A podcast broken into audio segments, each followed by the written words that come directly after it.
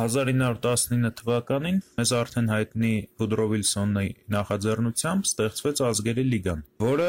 նպատակ ուներ ապագայում կանխել պատերազմները եւ առաջին համաշխարհային նման մեծ պատերազմներից հեռու պահել մարդկությունը։ Դրա անդամ էին այդ պայն գոյություն ունեցող պետությունները եւ դրանց դոմինիոնները, սակայն դա ձախողվեց եւ սկսվեց երկրորդ համաշխարհային պատերազմը 1945 թվականի ապրիլի 25-ին Ադոլֆ Հիտլերի ծննդյան տարեդարձից մի քանի օր հետո հավաքվեցին մեծ պետությունների ներկայացուցիչները եւ որոշեցին ստեղծել ՄԱԿ-ը, Միացյալ Ազգերի կազմակերպությունը։ Դրանից 5 օր անց Ադոլֆ Հիտլերը ինքնասպան եղավ։ Այդ ժամանակ խորհրդային բանակը արդեն սկսել էր Բերլինի գործողությունը եւ գերմանական պետության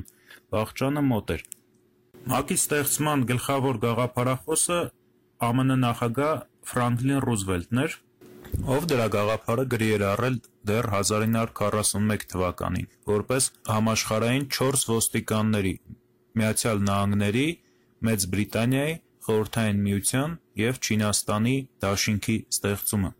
Սակայն նա մահացավ 1945 թվականի ապրիլի 12-ին եւ նրա փոխարեն այդ աշխատանքները շարունակեց նրա հաջորդը՝ Հարի Թրումանը։ 1945 թվականի ապրիլի 25-ին ամերիկյան Սան Ֆրանցիսկո քաղաքում տեղի ունեցավ ՄԱԿ-ի հիմնադիր նիստը, որին մասնակցում էին մոտ 50 երկրների ներկայացուցիչներ։ 1945 թվականի սեպտեմբերից հոկտեմբեր ամիսներին հստակեցվեցին դրա նպատակները, եւ արդեն 1945 թվականի հոկտեմբերի 24-ին միավորված ազգերի կազմակերպությունը պաշտոնապես սկսեց գործել։ Իսկ 1946 թվականի ապրիլի 20-ին պաշտոնապես դադարեց գոյություն ունենալ ազգերի լիգան։ ՄԱԿ-ի կառույցներն են Գլխավոր ասամբլեան, Անվտանգության խորհուրդը, ՄԱԿ-ի քարտուղարությունը, Արդարադատության միջազգային դատարանը, տնտեսական եւ սոցիալական խորհուրդները եւ մասնագիտացված գործակալությունները, որոնք ժամանակ առ ժամանակ կարող են փոփոխվել։ ՄԱԿ-ի կարևորագույն կառույցներից մեկը Անվտանգության խորհուրդն է, որը պատասխանատու է համաշխարհային խաղաղության համար։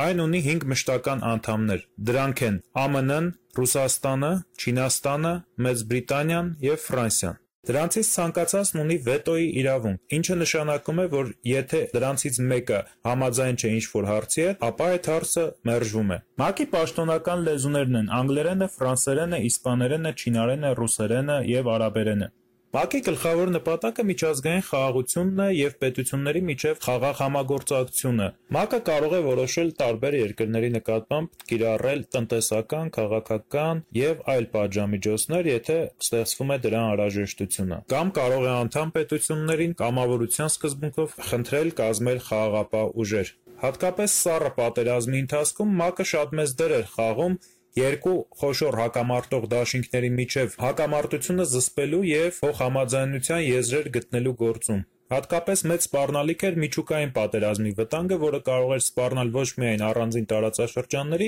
այլ ամբողջ մարդկությանը։ Այդուամենայնիվ սառը պատերազմի ընթացքում եղան նաև թեժացումներ։ Նման պատերազմները շատ հաճախ միջնորդավորված պատերազմներ էին, երբ աշխարհաքաղաքական երկու խոշոր դաշինքները երրորդ պետությունների տարածքում պատերազմ էին մղում իրար դեմ։ Դրանցից առաջին ամենախոշորն էր Կորեական պատերազմը։ Երկրորդ համաշխարհային արդյունքը եղավ այն, որ Ճապոնիան զրկվեց Կորեայից։ Կորեայի հյուսիսային մասն անցավ Խորհրդային Միության տիրապետության տակ, հարավային մասը ԱՄՆ-ի։ Երկու Կորեաների միջև սահմանը հստակեցվեց 38-րդ զուգահեռականով։ Հյուսիսային Կորեայում խորհրդային ղեկավարությունը իշխանությունը տվեց իր խամաճիկ Կիմ Ir Սենին, ով Հյուսիսային Կորեայի ներկայիս ղեկավար Կիմ Չոն Ընի նախապապն է։ Ամերիկյան բանակի դուրսբերումից հետո հյուսիսային կորեացիները որոշեցին, որ պետք է գրավեն ամբողջ կորեական թերակղզին եւ 1948-ից 50 թվականները սկսեցին գրավել Հարավային Կորեան եւ արդեն 50 թվականի դրությամբ Հարավային Կորեայից մնացել էր մի փոքրիկ հողակտոր։ 1950 թվականին Կորեայի ուղարկվում միջազգային զորախումբ, որը շատ շուտով մեծ տարածքներ է հետ բերում Հյուսիսային Կորեայից, սակայն դրա գլխավոր հրամանատարներից մեկը Դոգլաս Մաքարթուրը շատ է մոտենում չինական սահմանին եւ երբ նրանք արդեն մոտենում են Յալու գետին, Խորհրդային Միության հրահրմամբ Չինաստանը եւս մտնում է պատերազմի մեջ եւ միջազգային ուժերը սկսում են արագ նահանջել եւ շատ շուտով Հյուսիսային Կորեան հետ է բերում նախապատերազմական իր կորցրած տարածքները, սակայն 1953 թվականին կնքվում է զինադադար եւ այժմ երկու կորեաների միջև սահման անցնում է 38-րդ զուգահեռականի մոտակայքով, կրելով որոշ փոփոխություններ նախորդ սահմանի հետ համեմատած։ Հաջորդ խոշոր միջնորդավորված պատերազմը Վիետնամի պատերազմն էր, որը տևել է մոտ 20 տարի 1955 թվականի նոյեմբերից մինչև 1975 թվականի ապրիլ եւ ունեցել է շատ ծանր հետևանքներ հակամարտող բոլոր կողմերի համար Երբ ֆրանսիացիները լքեցին Հնդկաչին թերակղզին, այնտեղ ստեղծվեցին նոր պետություններ, իսկ Վիետնամում, որը փաստացի բաժանված էր երկու մասի, ստեղծվեց ապառազմականացված գոտի, որը անցնում էր 17-րդ զուգահեռականով։ Հյուսիսային Վիետնամը գտնվում էր Խորհրդային Միության ազդեցության տակ, հարավային Վիետնամը ԱՄՆ-ի։ Եվ քանի որ երկու կողմերը պայմանավորվել էին չխախտել ապառազմականացված գոտին, Հյուսիսային Վիետնամը պատերազմը սկսում է հարևան պետությունների՝ Լաոսի եւ Կամպուչիայի տարածքով եւ դրանց տարածքով է հարձակվում Հարավային Վիետնամի վրա Եվ նաև Հարավային Վիետնամի տարածքում ֆինանսավորում է մեծ թվով պարտիզանների։ Հարավային Վիետնամի տարածքում պարտիզանական պայքարի ծավալմանը նպաստում էր նաև ամերիկացիների շատ վատ վերաբերմունքը տեղի բնակչությանը, ինչը մեծ դժգոհություններ էր առաջացնում տեղի բնակչության շրջանում։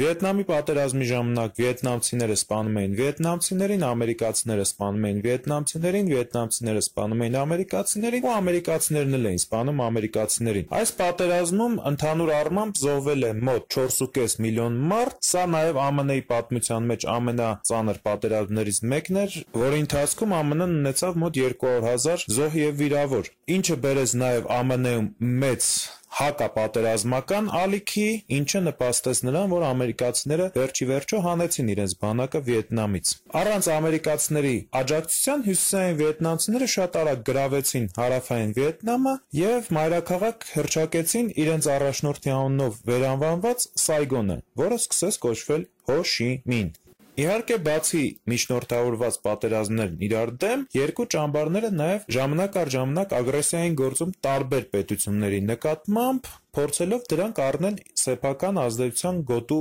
մեջ։ Դրա օրինակ են ԱՄՆ-ի կողմից ներխուժումները աֆրիկյան կամ մերձավոր արևելյան տարբեր երկրների տարածք, Խորհրդային Միության զորքի ներխուժումը Հունգարիա եւ Չեխոսլովակիա, ինչպես նաեւ Աֆղանստան։ 1970-ից 90-ական թվականներին նկատվում է նաեւ ազգային, այսինքն էթնիկ հակամարտությունների թվականակի աճ եւ դրանց ավելի սրացում։ Նման խնդիրներ կային տարբեր երկրների տարածքում օրինակ Իսպանիայի տարածքում բասկերն էին, Թուրքիայի տարածքում քրդերը, Մեծ Բրիտանիայում իռլանդացիները եւ այլն։ Ազգային հողի վրա կոնֆլիկտները մեծ թիվ էին կազմում նաեւ Խորհրդային Միության եւ Հարավսլավիայի փլուզման տարիներին, քանի որ դրանք բազմազգ պետություններ են եւ դրանց փլուզման պահին սկսվում են դրանց կազմում բնակվող տարբեր ժողովուրդների միջև հակամարտությունները։ Ազգային կոնֆլիկտներից մի քանիսը նաեւ հանգեցրել են ցեղասպանությունների, ինչպիսիք էին օրինակ Ռուանդայի և Սուդանի ցեղասպանությունները։